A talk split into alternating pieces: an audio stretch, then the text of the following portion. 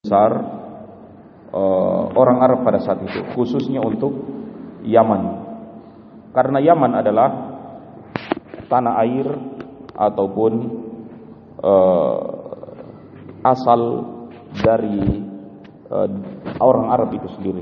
Setiap bangsa memiliki tanah air, ya. Tanah air orang Arab itu tidak lain adalah Yaman.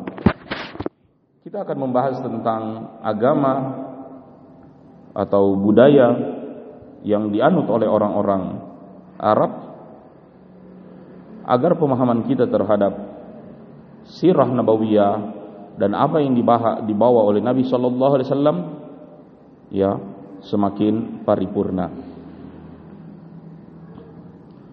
Kita akan mulai dengan Tuba Yaman. Tuba adalah gelar Raja Yaman. Bila mana Raja Mesir Disebut Fir'aun Romawi Kaisar Kisra Persia uh, Dan Najasyi Habasya ataupun Ethiopia. Untuk penguasa Yaman disebut dengan Tuba Di dalam Al-Quran Allah Subhanahu wa taala menyebut wa qaumu tubba dan kaum tubba yaitu penduduk Yaman yang rajanya disebut dengan Tubba. Tubba Yaman pada saat itu bernama Robi'ah bin Nasr. Mereka belum memeluk agama kecuali semacam agama mempercayai ataupun menyembah api ya senyeri Zoroaster seperti itu. Itu agama yang dipeluk atau dianut oleh penduduk Yaman. Sebentar. Oh, kita itu kajian di tengah pengetatan protokol Covid. Jadi kita harus tetap patuhi itu. Ada antum karet atau apa?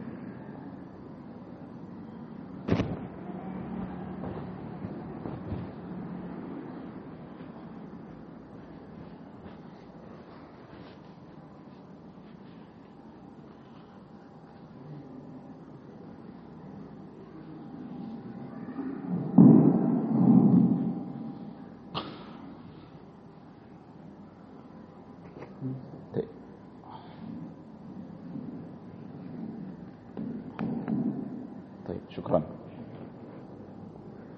Jemaah sekalian yang dirahmati Allah Subhanahu wa taala. Yaman yang sedang kita bahas adalah Rabi'ah bin Nasir. Rabi'ah bin Nasir memiliki satu hobi di antaranya adalah berpetualang mengunjungi daerah-daerah yang belum sempat dia datangi. Maka kali ini dia berkelana menuju utara dari Yaman melewati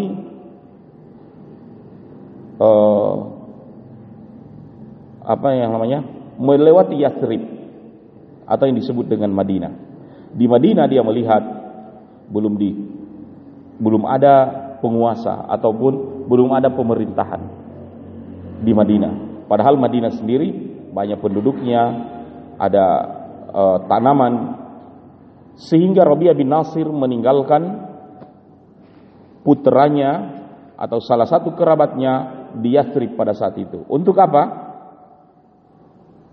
Keinginannya agar negeri tersebut Yathrib itu ikut menjadi uh, ad, artinya ikut pada administratif pemerintahannya. Seperti hari ini kita melihat uh, Inggris ada kekuasaannya sampai pulau-pulau yang kecil-kecil. Ya, dari mana itu?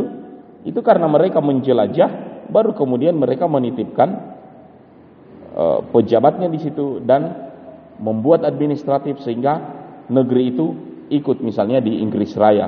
Ada yang uh, dahulunya seperti Amerika ikut di uh, dahulunya Filipina ikut ke Amerika dan seterusnya.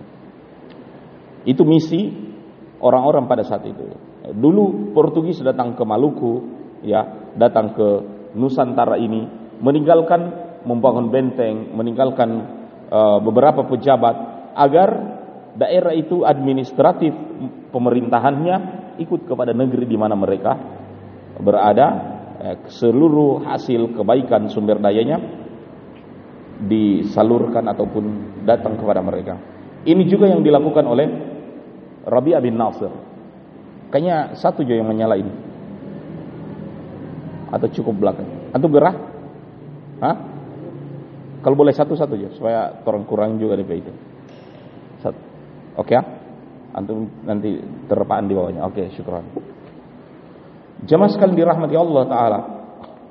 Ketika putra dari Rabi'ah bin Nasir ditinggalkan di Yathrib, dia melanjutkan perjalanan muhibahnya menuju utara.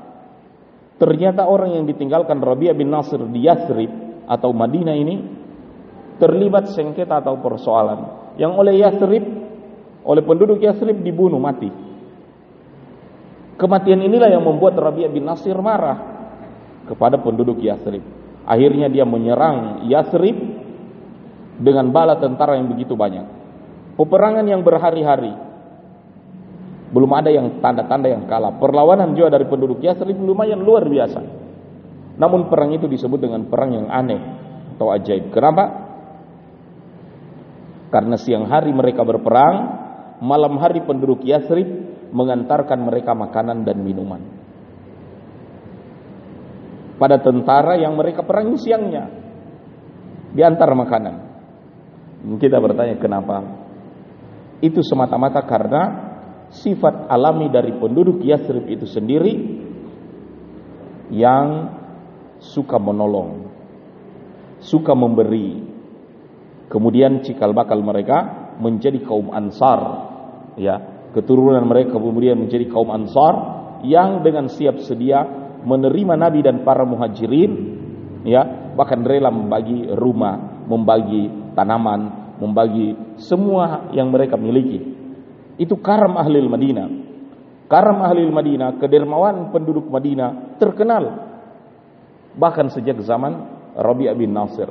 Tentara yang uh, menjajah mereka, yang memerangi mereka, namun jamaah sekalian dirahmati Allah, uh, mereka beri makan di malam harinya. Ini menunjukkan tentang uh, penduduk Madinah yang begitu dermawan. Uh, jamaah sekalian dirahmati Allah Subhanahu wa taala. Kemudian karena perang ini belum ada tanda-tanda berakhirnya, maka suatu hari seorang rahib yang tinggal di Yathrib itu sendiri, pemimpin agama Yahudi, dan kita bertanya kenapa orang Yahudi datang di Yathrib? Orang Yahudi datang di Yathrib, ya, karena ada alasannya. Dan alasan itu diutarakan oleh rahib tersebut kepada Rabi'ah bin Nasir. Sebaiknya engkau menghentikan perang terhadap penduduk Yathrib ini. Karena negeri ini mahmi, karena negeri ini dilindungi. Kenapa dilindungi? Tertulis di dalam kitab kami bahwa negeri ini akan muncul darinya seorang nabi yang ditunggu-tunggu. Isa bin Maryam ketika pergi saya, pergi sebelum dia tinggalkan pengikutnya, dia mengatakan saya atin nabi mimba ismu Ahmad. Akan datang seorang nabi ismu Ahmad. Tinggal di mana? Tinggal di Bainal Harratan. Tinggal di antara dua tempat yang tandus berbatu. Timur dan baratnya berbatu. Tempat tersebut ya artinya susah dijangkau karena terlalu banyak bebatuan, haratan timur dan baratnya. Uh, jadi kalau memerangi penduduk negeri Yathrib ini kesia-siaan karena negeri ini mahmi, negeri ini dilindungi, dijaga oleh Allah Subhanahu wa taala. Maka saran dari rahib Yahudi tersebut kepada Rabi'ah bin Nasir sebaiknya dia berhenti dan pergi karena dia tidak akan dikalahkan. Sebenarnya Rabi'ah bin Nasir terkesan dengan dua rahib Yahudi tersebut. Kenapa? Perkataan mereka uh, penampilan sangat karismatik, berwibawa yang menyebabkan siapa pun takluk dan mendengar apa yang dikatakan kedua rahib ini dan kata-katanya penuh hikmah. Makanya Rabi'ah bin Nasir tertarik dengan kedua rahib Yahudi. Dai, akhlak, tutur kata, apa yang disampaikan, ilmu. Betul-betul semacam hal yang baru dia dengar. Dan akhirnya Rabi'ah bin Nasir ya, karena memang perkataan dari kedua rahib ini mengatakan kau tidak akan bisa mengalahkan mereka. Dia hentikan peperangan kepada Yathrib atau Madinah saat itu. Dia balik kanan pulang ke Yaman. Ketika dia pulang ke Yaman, dia ajak serta kedua rahib Yahudi ini menjadi penasihat spiritual, menjadi guru, menjadi penasehat. Rahib Yahudi ini pun ikut kepada Rabi' bin Nasir. Ketika Rabi' bin Nasir dan pasukannya pulang ke Yaman, ini dari Madinah. Itu Madinah kan turun ke bawah ke selatan, pasti melewati Mekah. Ketika mereka melewati Mekah, ada sebuah suku yang bernama Huzail. Suku Huzail ini suku yang sangat membenci Quraisy yang berdiam di Makkah. Mereka juga tidak suka terhadap Yaman karena ketidaksukaan terhadap dua kelompok ini, Huzail ingin mengadu domba. Supaya kalau terjadi perang antara Yaman dengan Quraisy, ya biar dua-duanya musuh. Itu barangkali bagi kita kaum muslimin menyaksikan perang antara Tiongkok dengan India. Yang kita bilang paku bagi jo, sama-sama menyerang kaum muslimin jo dan dua. Iya kan? Kaum kaum muslimin di Kashmir tertindas oleh India, kaum muslim di Uyghur juga begitu. Ya, jadi kalau orang baku habis dia ke sana gitu supaya kaum muslimin masih bisa istirahat dari keburukan yang mereka akibatkan. Maka Huzail ingin uh, mengadu domba antara apa? Quraisy dengan Yaman. Utusan dari Huzail itu datang membisiki Rabi'ah bin Nasr kepada Rabi'ah kepada Tubba yaitu Yaman disebut kau suka kau tertarik mengambil emas emas harta. Negara yang punya emas hari ini bisa cetak mata uang. Maka Rabi'ah bin Nasir mengatakan tentu. Huzail mengatakan aku tunjukkan kepadamu satu tempat bagi orang-orang Arab biasa menyimpan emas dan sangat banyak benda-benda berharga mereka tanam ataupun simpan di dalamnya. Kata Abdurrahman bin Nasir, apa itu? Mereka menunjuk uh, Ka'bah. Konon orang-orang Arab menyimpan benda-benda berharga termasuk emas, perak, permata di Ka'bah entah sebagai hadiah ataupun pemuliaan tempat tersebut. Ya. Bahkan orang mengatakan ada kijang atau rusa kepalanya yang terbuat dari emas, mereka simpan di situ. Ya. Perhiasan semua mereka simpan di Ka'bah. Rabi'ah bin Nasir akhirnya berniat untuk mengambil emas-emas dan perhiasan tersebut. Sebab dia kalau dia pulang bawa harta yang banyak seperti itu, Pasukan pun disiapkan. Dua rahib Yahudi melihat gelagat yang aneh dari pasukan atau iring-iringan rombongan yang mereka tumpangi itu. Makanya Rabi'ah bin Nasir bertanya pada rajanya, eh, makanya dua rahib ini bertanya pada Rabi'ah bin Nasir, raja Yaman itu, ada apa? Raja memberitahukan alasannya, bahkan menyerang Makkah, mengambil emas-emas dari Ka'bah. Dua rahib Yahudi itu mengatakan, "Jangan kita saja berhenti memerangi penduduk Yathrib. Ya. Kalau Mekah tempat lahirnya, Madinah kotanya, dari Nabi yang ditunggu-tunggu tentu lebih dijaga oleh Allah Subhanahu wa taala. Mumpung kita melewati Makkah, mumpung kita akan melewati Ka'bah, aku sarankan engkau memuliakan justru itu Ka'bah, bukan mau menyerangnya, membunuh orang-orang yang ada di situ. Jadi pemahaman keimanan telah masuk ke dalam jiwa atau hati dari Robiah bin Nasir, Raja Yaman pada saat itu. Oleh dua rahib Yahudi ini. Mumpung kita melewati Ka'bah, engkau sempatkan diri untuk singgah sebentar, engkau bertawa, memuliakan penduduknya, memberi makan kepada mereka. Robiah bin Nasir mengatakan, baru kalian berdua juga mau tawaf di sekitar Ka'bah. Mereka mengatakan tidak. Ka'bah dikelilingi oleh banyak berhala. Oleh Tuhan-Tuhan yang disembah selain Allah. Kami adalah para ulama. Kami adalah pemimpin spiritual agama. Kami tahu hal itu bid'ah. Ya, hal itu syirik. Nanti menjadi contoh. Sedangkan engkau pemimpin. Kalau engkau memuliakan tempat itu, maka orang juga akan memuliakan. Tapi kalau kami melewat, bukan pemuliaan tempat yang orang lihat, tapi pemujaan terhadap selain Allah yang akan dilihat oleh orang lain. Jadi ini sebenarnya fikih waqi, fikih masalah ya fikhul waqi fikih persoalan di lapangan itu berbeda e, kadangkala hal yang diputuskan menurut kemaslahatan dakwah berbeda dengan hal yang diputuskan menurut keputusan siasa atau politik. Bisa bisa dipahami? Dalam persoalan ada tiga hal di dalam kita memutuskan. Ada yang diputuskan dengan hukum fikih sesuai kaidah fikih. Tapi kadangkala ada yang tidak tepat diputuskan dengan fikih karena berhubungan dengan masalah dakwah. Kemaslahatan yang lebih besar dari hal itu. Bisa juga dalam masalah dakwah ada juga yang tidak cocok dengan dakwah. Dengan maslahat ya siasa ya untuk kebaikan. Nah ini ada tingkatan-tingkatan seperti itu. Ya tentu ada ilmunya juga.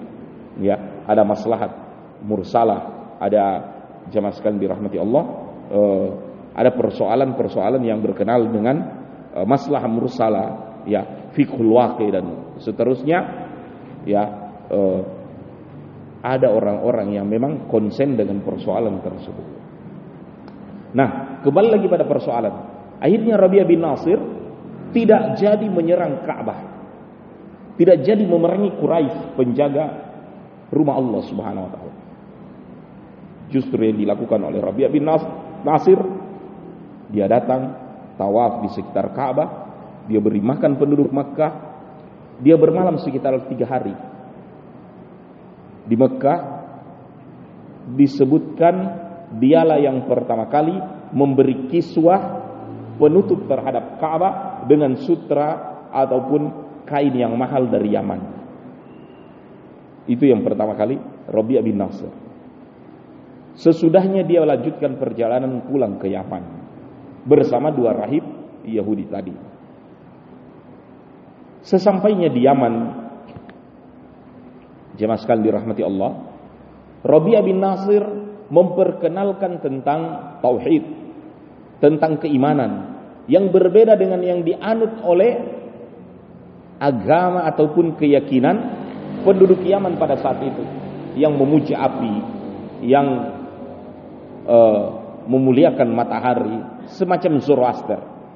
Bahkan penduduk Yaman memiliki sebuah tungku api yang di situ tempat mereka berdoa dan itu dijaga, jangan sampai padam.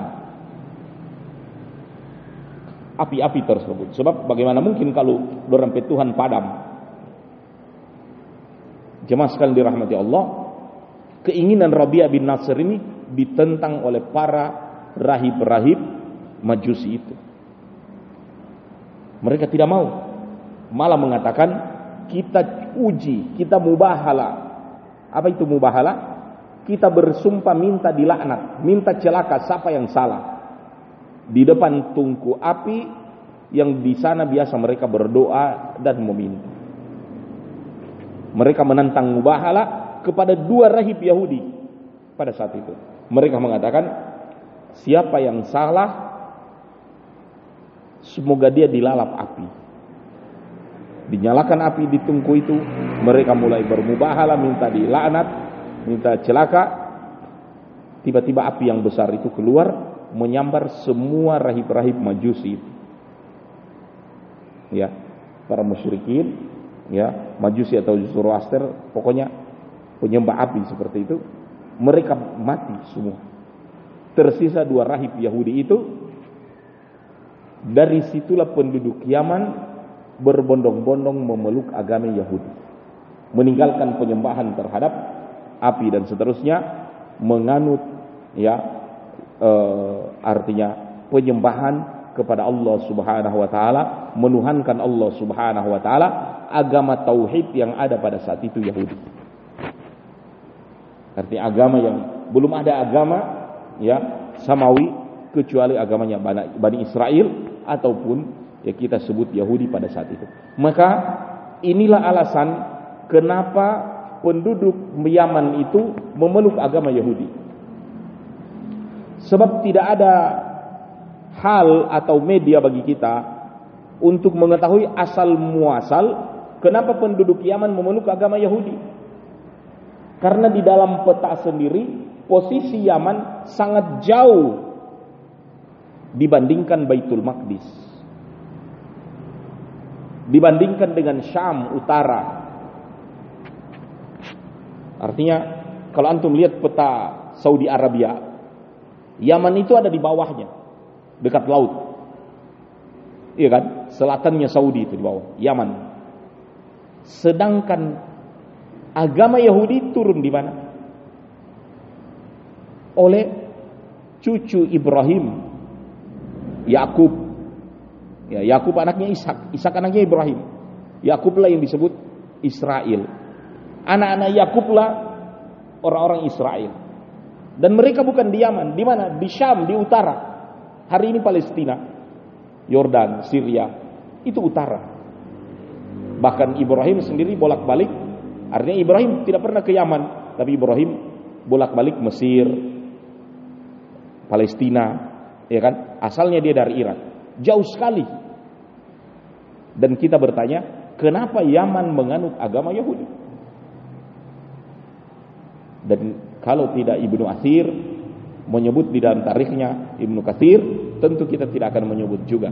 Cuma hal yang bisa mendekatkan bahwa agama Yahudi memasuki Yaman hanya bisa informasi itu ataupun kaitannya dari apa yang dibawa oleh Rabi' bin Nasir.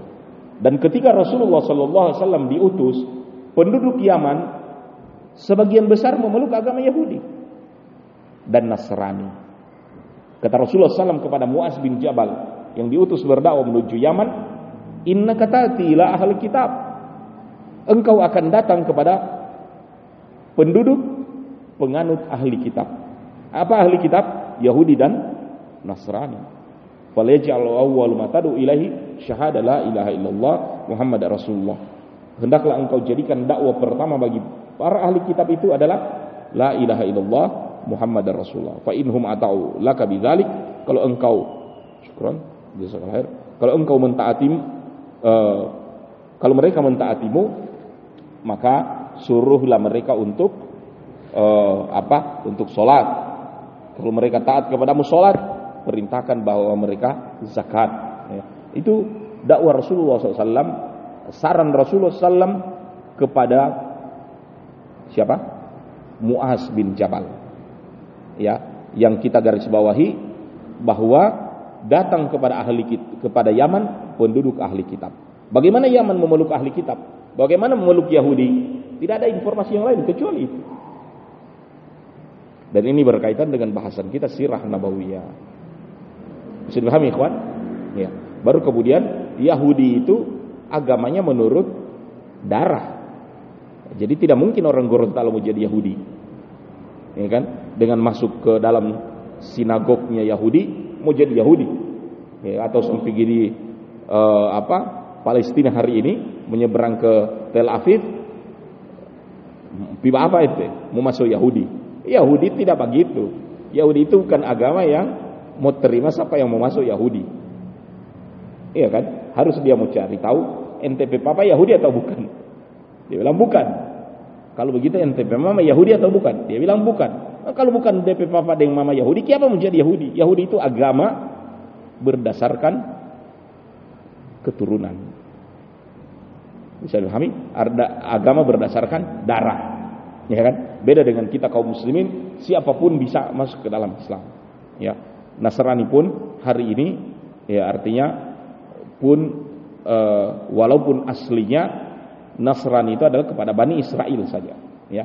Tapi belakangan mereka telah ya, berubah metamorfosis sehingga membuka kepada semua orang, ya, kepada semua domba sesat. Padahal domba sesat awalnya adalah hanyalah Bani Israel, ya kan? Tapi sekarang sudah semua orang dibilang domba sesat, ya kan?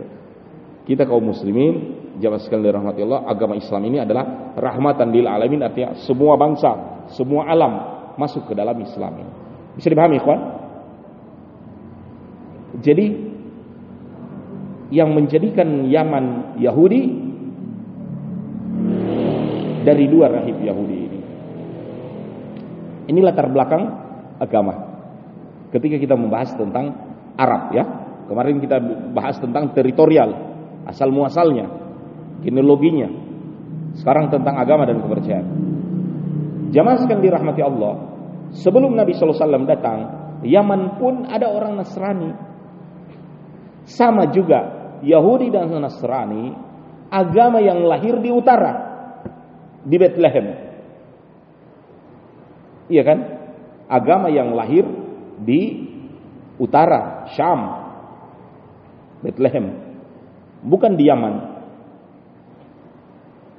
Jadi jauhnya itu orang Yaman memeluk Nasrani dari mana?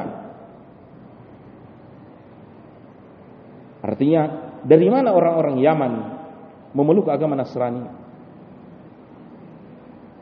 Sedangkan agama Nasrani tidak lahir di Yaman, jauh di sebelah utara sana.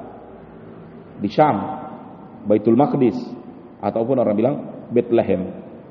Bait Lahm, rumah daging, rumah potong, RPH. Iya kan? E, lahir di situ itu agama Nasrani. Bagaimana mungkin orang Yaman memeluk Nasrani? Jemaah sekalian dirahmati Allah Subhanahu wa taala. Tarikh sejarah masuknya orang-orang Arab Yaman ke Nasrani ya, walaupun agama Nasrani itu sendiri di awalnya adalah risalahnya hanya untuk orang Israel. Ya, karena perkata di dalam itu sendiri disebut sesungguhnya aku hanya diutus kepada domba-domba sesat dari Bani Israel. Iya kan? Panjang ceritanya kenapa selain Bani Israel jadi domba sesat. Iya kan? Uh, ala kulli hal kembali jemaah sekalian dirahmati Allah Subhanahu wa taala kisah ini kita akan temui seorang yang bernama Finyon. Siapa namanya? Finyon. Baik. Uh, biar tidak itu relax sedikit itu kajian karena antum so minum kopi dulu. Ini tahu. So, jadi minum kopi ini kajian. Bismillah.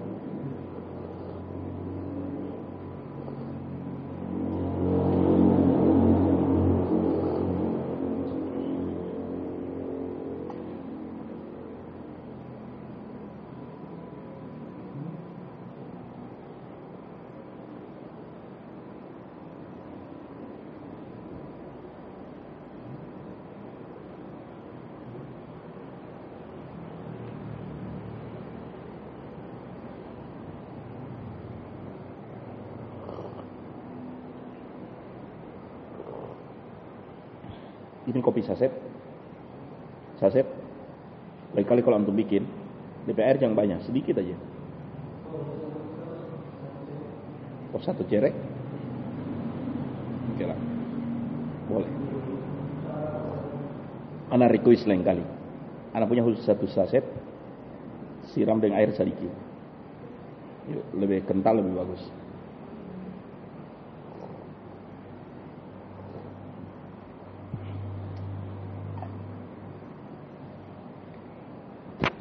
Baik, fadal antum minum kopi dulu supaya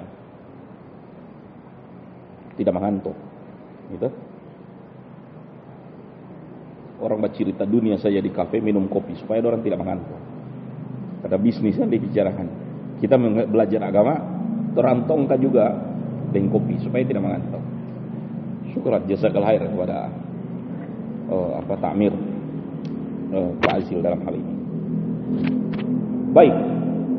Dari mana agama Nasrani masuk menguasai Yaman? Pada seorang yang bernama Finion. Siapa Finion? Finion adalah seorang penyebar misi, penyebar agama Nasrani di daratan Afrika. Dia di Afrika, dia datangi orang-orangnya, diajak masuk Nasrani. Dalam istilah kita, seorang ustadz atau dai, pendakwah seperti itu. Finion ketika dia menyebarkan agamanya di Afrika, dia ditangkap oleh orang-orang yang menjual budak. Dan ini sebuah kezoliman. Memperbudak orang merdeka itu dosa besar. Karena budak itu bukan orang jalan-jalan, baru mau tangkap, mau dijual. Trafficking, human trafficking itu kezoliman dan dosa besar. Manusia, human trafficking, manusia yang dijual sebagai budak, itu bukan begitu caranya. Tapi apa? Perbudakan itu cuma satu pintu gerbangnya. Apa? Peperangan. Bangsa yang kalah, mereka lah yang diperbudak. Tapi itu pun dalam perang yang memang berlaku musuh memperbudak tawanan. Maka kita juga bermuamalah yang sama. Ketika mereka kalah, kita jadikan dia budak. Tapi kalau kalau musuh tidak menjadikan tawanan itu sebagai budak, maka kita juga tidak boleh memperbudak tawanan. Ya, hari ini dengan kesepakatan PBB telah diratifikasi, ya kan? bahwa uh, yang namanya perbudakan sudah dihapus, ya kan? Sehingga tidak lagi ada perbudakan saat ini. Ya. Cuma budak itu memang kalau memang ada, Ustadz Doreng ini bukan tawanan perang, tapi solahir kamari budak. Ya, ada juga budak yang solahir kamari budak. Apa? Karena memang dulunya mereka budak, orang tuanya kelap kalap perang, beranak pinak, menjadi budak dan budak itu berketurunan. Tapi artinya seperti keturunan hari ini seorang membawa nama ayah. Sebut orang membawa pam, pam itu dari mana? Dari ayah atau ibu?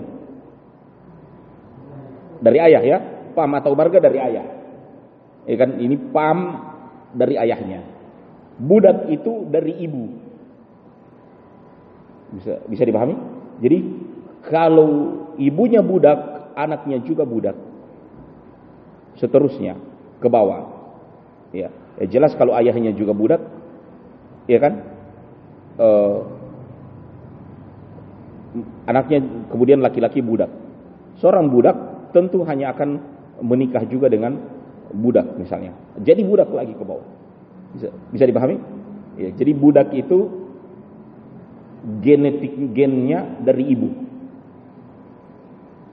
Uh, oleh karenanya, kalau ada seorang wanita budak dibeli oleh, misalnya antum merdeka beli budak wanita, ya kan?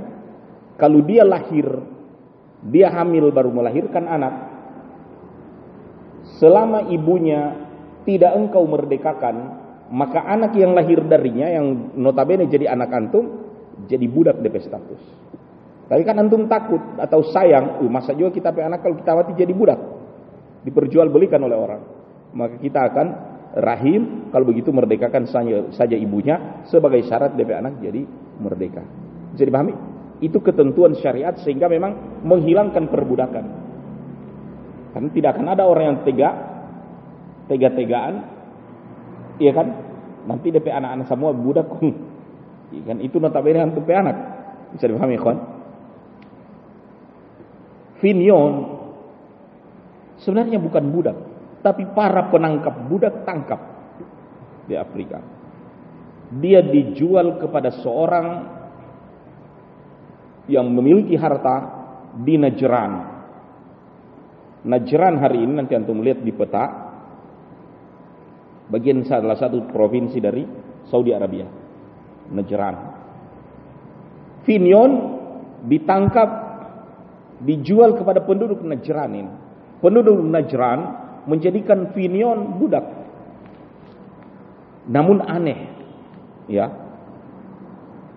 Finion ini tidak seperti budak biasanya, berpuasa, malam beribadah, kemudian wajahnya bercahaya, kata-katanya penuh hikmah.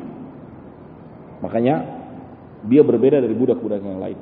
Satu lagi yang membedakan Finion dari yang lain, Finion tidak mau ikut serta keperibadatan penduduk Najran yang biasanya mereka pergi antar sesajian berdoa di depan sebuah pohon yang mereka agungkan. Antar sesajian di situ. Itu Finion. Jamaah sekalian dirahmati Allah taala. Oleh tuannya diajak Finion ke situ. Finionnya tidak mau dia bilang tidak boleh itu.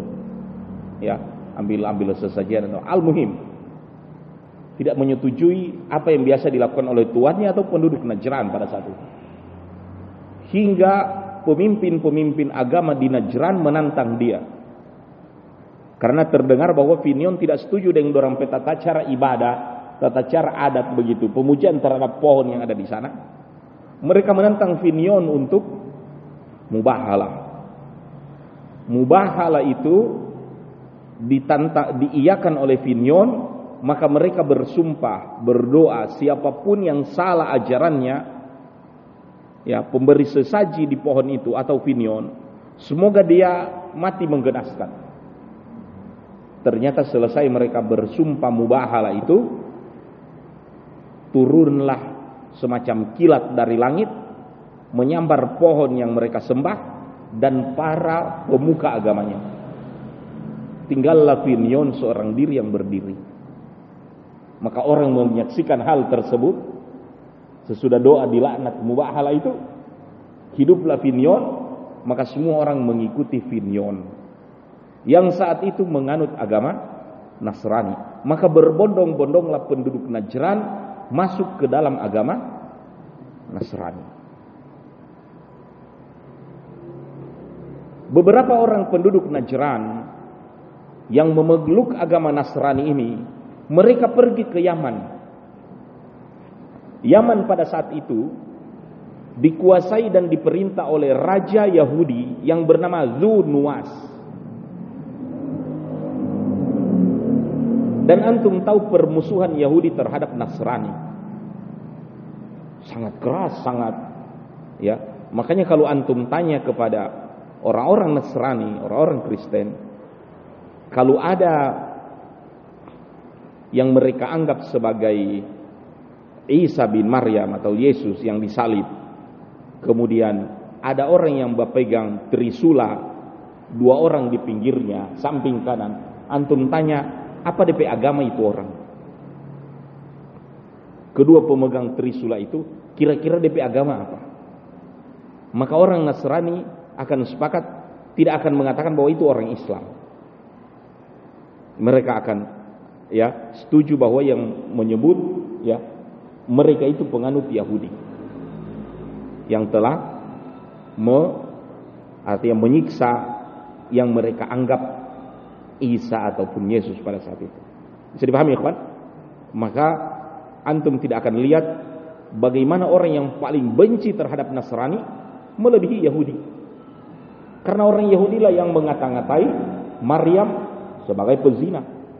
Orang Yahudi lah yang mengata-ngatai Isa sebagai anak zina. Orang Yahudi lah yang ya menyiksa orang yang diserupakan dengan Isa. Bisa dipahami? Ya.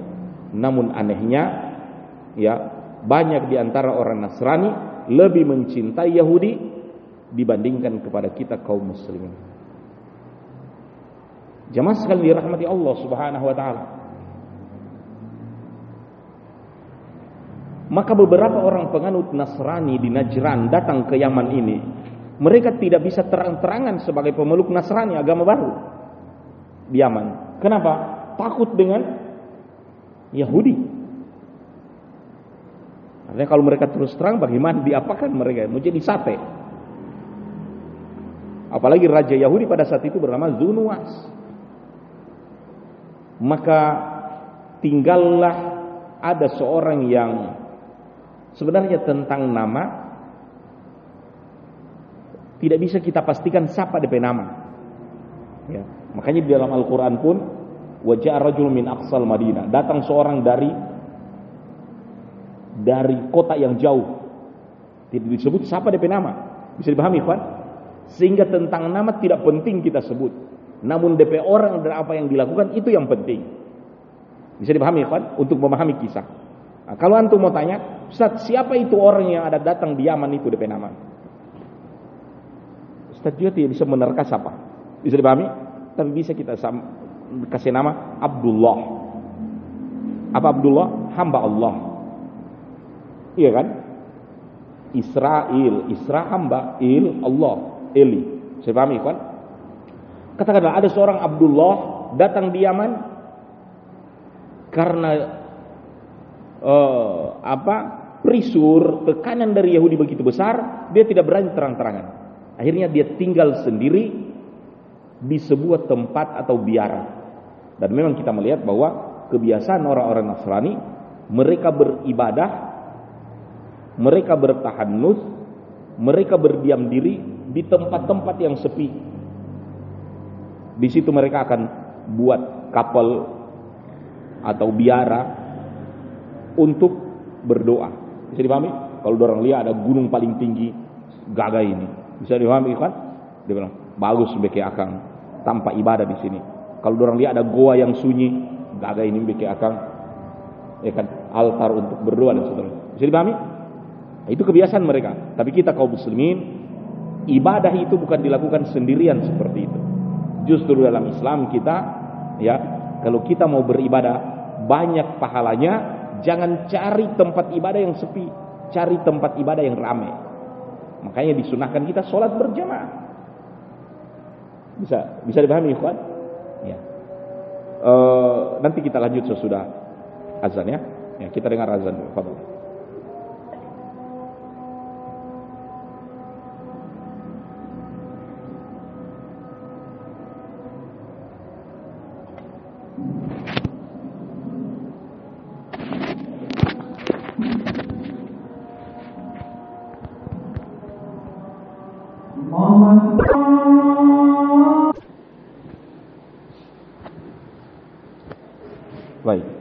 Bismillah, alhamdulillah, salatu wassalamu ala rasulillah wa ala alihi wa sahbihi wa man wala ba'd. Seorang yang dari Najran yang berdiam diri di beribadah uh, di Yaman tersebut ya, karena kalau ditanya kenapa dia tidak terjun bermasyarakat dan seterusnya eh kekhawatiran dari apa yang dianutnya namun dia berniat untuk menyebarkan agama Nasrani di Yaman. Ya. Dan jamaah sekalian dirahmati Allah, saat itu Yaman diperintah oleh seorang raja Yahudi yang bernama Zunwas. Namun Zunwas ini uh, ada sesuatu yang uh, menjadi kebiasaan Zunwas dia memelihara dukun peramal atau tukang sihir. Seperti itu. Dan ada peramal dan ada dukun ataupun e, peramal Zunwas itu yang sudah senior. Bahkan setua begitu.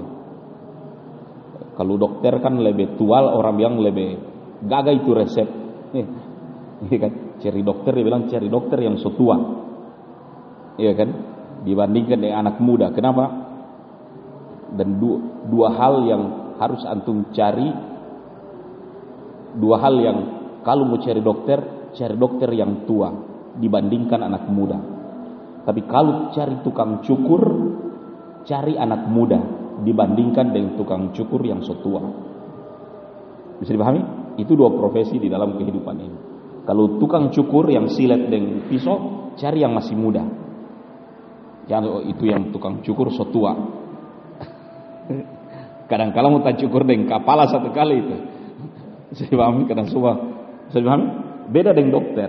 Kalau dokter orang bilang cari yang setua dibandingkan dengan yang masih muda. So dalam hal pengamalan. Wallahualam itu hikmah ya. Bukan ustaz yang bilang saya baca-baca di hikmah dalam kehidupan. Dia memiliki penyihir ataupun dukun yang setua itu. Namun kan ketakutan Dunuas jangan sampai mau mati. DP penyihir ini. Dan orang Yahudi sendiri, ikhwan, kalau mau tanya, katanya agama Yahudi, baru kenapa sihir? Yahudi itu salah satu mereka punya penyakit itu yuhibbun al-jibti wa taghut. Bagaimana di Al-Quran? Siapa yang hafal itu ayat?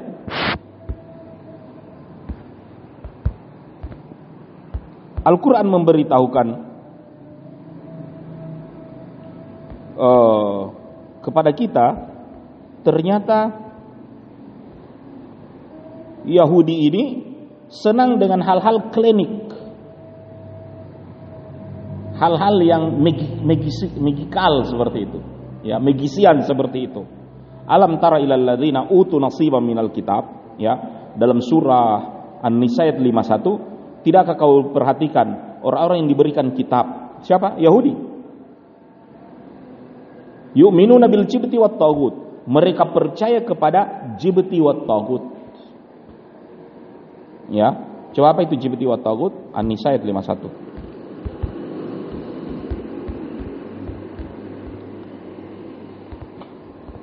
Mereka senang terhadap jibti wat tagut. Ya, mereka percaya kepada setan-setan, berhala-berhala dan setan-setan dari jin dan manusia. Itu rahasianya orang Yahudi. Suka angka-angka, ya kan? Otak-atik angka baru ada DP magis di baliknya di bisa dipahami kan? Sehingga hari ini penganut kabala, penganut uh, mason, penganut uh, apalah ya, banyak uh, apa? penyembah-penyembah setan Yahudi di baliknya. Bisa dipahami, kawan? Makanya tidak heran kalau Zunuas suka juga ada DP penasehat ataupun uh, dukunnya itu. Bisa dipahami, kawan? Makanya dia khawatir jangan sampai ini DP suhu ini mau mati. Baru DP ilmu habis. Dia ingin ada regenerasi. Olehnya Zunuas mengadakan sayembara audisi hari ini ya. Diseleksi orang-orang pemuda siapa yang akan menang. Dia yang akan diberi beasiswa belajar dari magisiannya itu. Pesulap atau pesihirnya itu. Ya, maka banyak orang yang ikut itu audisi itu. Bisa bisa dipahami, kawan? Ya, kita melihat hari ini kalau orang mau go talent atau mau jadi idol, uh, Makassarnya, Medannya, Surabaya, Jakarta dan seterusnya. Ya kan? Orang Gorontalo pi Makassar untuk mau ikut audisi atau pi Manado. Maka di seluruh Yaman banyak orang berjejal ikut loloslah seorang yang bernama Gulam itu. Dialah yang diutus karena mungkin dia pintar, berbakat dan seterusnya. Karena ini banyak yang mau di namanya seleksi, banyak yang gugur. Yang terbaik yang datang. Gulam inilah yang diutus pergi ke kerajaan ke istana Zunwas untuk belajar sihir. Namun sebelum dia mencapai istana, gulam ini sempat istirahat atau singgah di biara di kapal rumah ibadah milik seorang Nasrani yang dari Najran ini. Maka ketika dia istirahat berbincang dengan pemiliknya dia terdengar hikmah perkataan yang baik tentang pengenalan tentang Tuhan, tauhid. Bisa dipahami, ikhwan? Artinya nasihat agama itu sesuatu yang antum saya datang ke sini kalau menikmati taklim sama dengan dengar uh, stand up comedy. Tidak kan?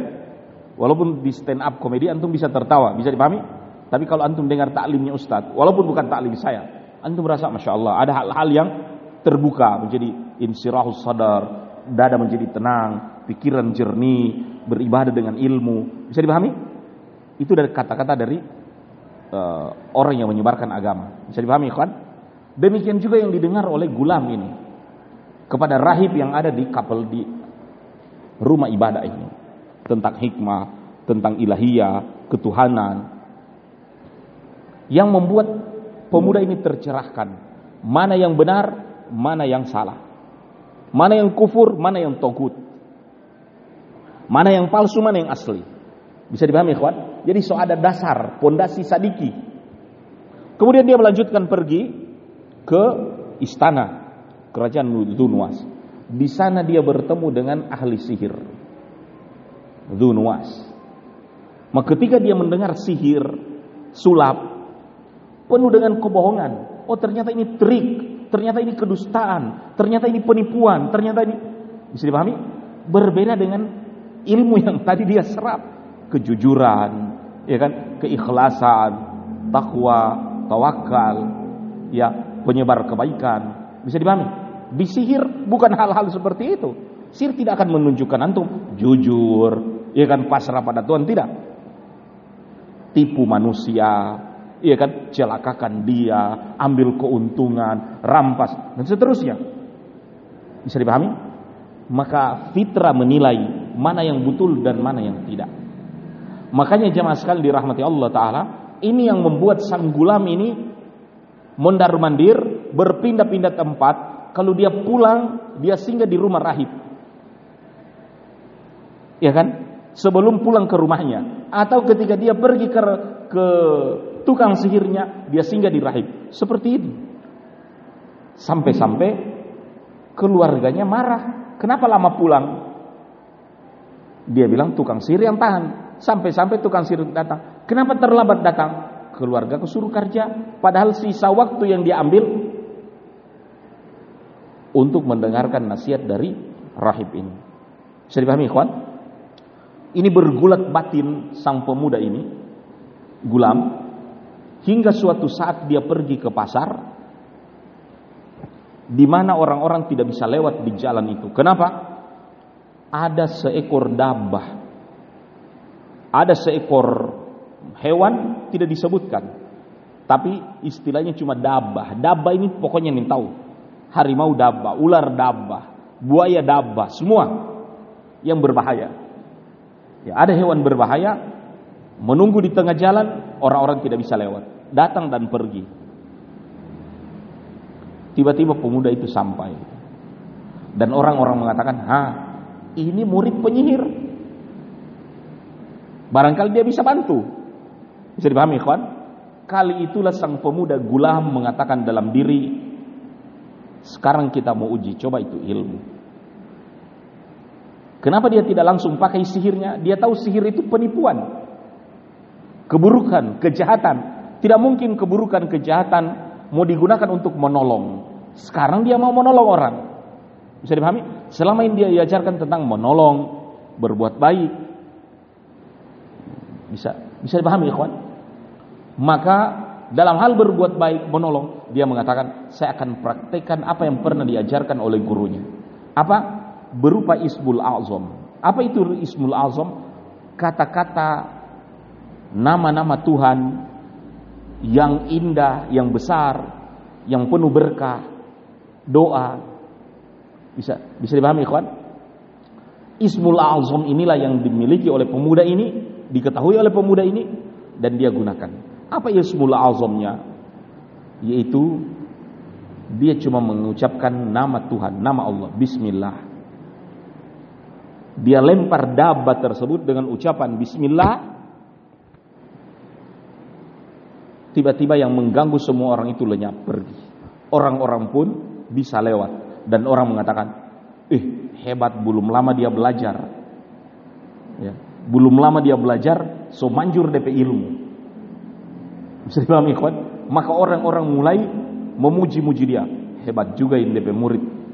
Padahal baru murid baru ya so lancar begitu dia dan seterusnya bisa dipahami orang-orang mulai datang kepada dia minta dia bilang saya tidak ada yang saya tahu dia bilang tolong ini yang sakit puru ini yang sakit kepala ini yang uh, bangkrut ini yang mau jodoh ini. Semua permintaan datang kepada pemuda itu. Tapi pemuda itu tahu bahwa doa yang dia ucapkan adalah doa yang diajarkan oleh sang rahib itu. Itu doa minta kepada Allah, sebut nama Allah. Sehingga pemuda ini pun mengatakan, tak perlu saya yang ucapkan, kalian saja. Tapi syaratnya pasrahkan dan minta kepada Allah. Karena dialah yang pemberi, dialah yang penyembuh. Maksimalkan itu doa dan permintaan. Diajarkan dia dengan kalimat Allah, dengan nama Allah, dengan tauhid banyak yang sembuh. Tiba-tiba jemaah sekalian, sobanya itu pasien. Lihat juga kalau ustadz-ustadz baru buka praktek rukyah, kalau banyak dukun di situ, banyak sihir, banyak macam-macam, ya kan? Paling orang berjubel. Ya, saya temui ada satu dai, masya Allah kalau hari Ahad dia so bilang praktek saya jam 8 sampai jam 3 sore. Cuma sekian orang yang dilayani. Kenapa? Saya tanya, siapa nih begitu Ustaz? Tempel begitu. Dia bilang, kalau tidak orang sampai malam. Dari tempat-tempat yang jauh orang naik-naik oto datang sini. Sengaja apa? Padahal anak, baru apa yang ente? Anak cuma baca-baca rukiah. Ayat-ayat rukiah sembuh. Macam-macam orang keluhan datang. Baru, Alhamdulillah dia bilang. So datang kamar yang lain lagi. Datang di situ. Rukiah. Itu saya dapat di satu tempat. Jelas ya? Orang kalau eh, apa datang kepada kepadanya minta diobati begitu. Termasuk yang datang kepada Gulam, seorang penasihat Raja Zunwas itu sendiri. Dia bawa hadiah, emas, perak. Pokoknya sesuatu roda itu hadiah. Pejabat tinggi, penasihat raja. Tapi dia buta. Dia bilang kepada pemuda gulam ini kita pebarang satu trek ini atau satu kereta ini mau kasih turun sama kalau nggak boleh sembuhkan penyakitnya yang tidak bisa melihat. Pemuda ini cuma mengatakan bukan saya penyembuh. Pemberinya adalah Allah Ta'ala. Jadi diberi ceramah. Dan itu kalau antum barukia orang, jangan langsung rukia langsung baca. Tidak. Berikan dulu pengantar. Dakwai dia supaya dia tidak sandarkan kesembuhan ke kita, tapi kesembuhan kepada Allah. Perkenalkan Allah, berdoa kepadanya, kufur itu setan. Bisa dipahami, kawan? Maka pemuda ini menyampaikan hikmah. Jadi dia super percayanya betul. Ya, jadi minta kepada Allah, bukan harus saya yang baruki atau minta doa. Engkau sendiri yang minta. Pasrah kepada Allah Ta'ala, selesaikan urusan. Maka diajarkan dengan kalimat Bismillah, Ismul Azam, tiba-tiba ini dapat lihat. Dan dia keesokan harinya datang di kerajaan, disangka raja masih buta. Ternyata dapat lihat. Raja bilang, eh sudah sudah lihat kan? Dia bilang sudah. Raja tes ini ini dia dia bilang ajib. Siapa itu yang obati? Dia bilang Allah penyembuh.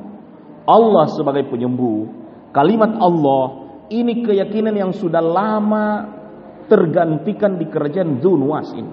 Karena Zunwas berkiblat kepada dukun, kepada syaitan. Sehingga kekufuran merajalela, tauhid so tidak ada. Makanya dia bilang, ini ajaran raja dulu ini. Artinya, seorang raja sangat memusuhi kebijakan yang dulu. Setiap penguasa rata-rata begitu. Wah orang dulu punya ini, orla ini. Kalau datang orde baru. Bisa dipahami ikhwan? Makanya dibilang ini keyakinan or lain. Makanya orde lama ini. Begitu kata orde baru. Bisa dipahami ikhwan? setiap generasi kadangkala paling baku musuh orang sebelumnya. Maka ini yang terjadi sekalian dirahmati Allah diindikasikan bahwa dia bukan menganut kebijakan kerajaan yang baru seperti itu. Dari mana kata-kata itu? Dari mana? Di, siapa yang mengajarkan kau seperti itu? Dia bilang itu murid penyihir itu. Kaget dukunnya, kaget rajanya. Jemaah sekalian dirahmati Allah, akhirnya dihadapkan sang gulam tersebut. Diindikasikan dia menyebar paham-paham yang baru yang bertentangan dengan kebijakan kerajaan dan ini mengancam ya apatah lagi selidik punya selidik ini ber ya ber bertabrakan ataupun berbeda langsung dengan ajaran-ajaran Yahudi yang masih tolerir terhadap jibti wa tauhid terhadap setan, perdukunan dan selamanya. Eh, ajaran yang baru ini artinya yang ada cita rasa yang nasraninya dan seterusnya ini sangat berbeda. Bisa dipahami? Artinya so ada DP kekhususan seperti itu dan raja mengatakan ini kalau banyak pengikutnya bisa tumbang kerajaannya. Makanya ikhwan dirahmati Allah dalam kajian yang akan datang kita akan lanjut ya uh, serial tentang gulam ini ya. Dan ini telah disebut di dalam surah uh, eh, di dalam hadis riwayat hadis Tirmidzi tentang gulam ini ya kematian gulam. Dan di antara sebab-sebab kalau antum baca asbabun nuzul dari surah Al-Buruj. Ya nanti insyaallah akan kita bahas dalam kajian sirah Nabawi di waktu yang lain. Ada pertanyaan sebelum saya tutup? Baik. Subhanakallah bihamdik asyhadu la ilaha. Assalamualaikum warahmatullahi wabarakatuh.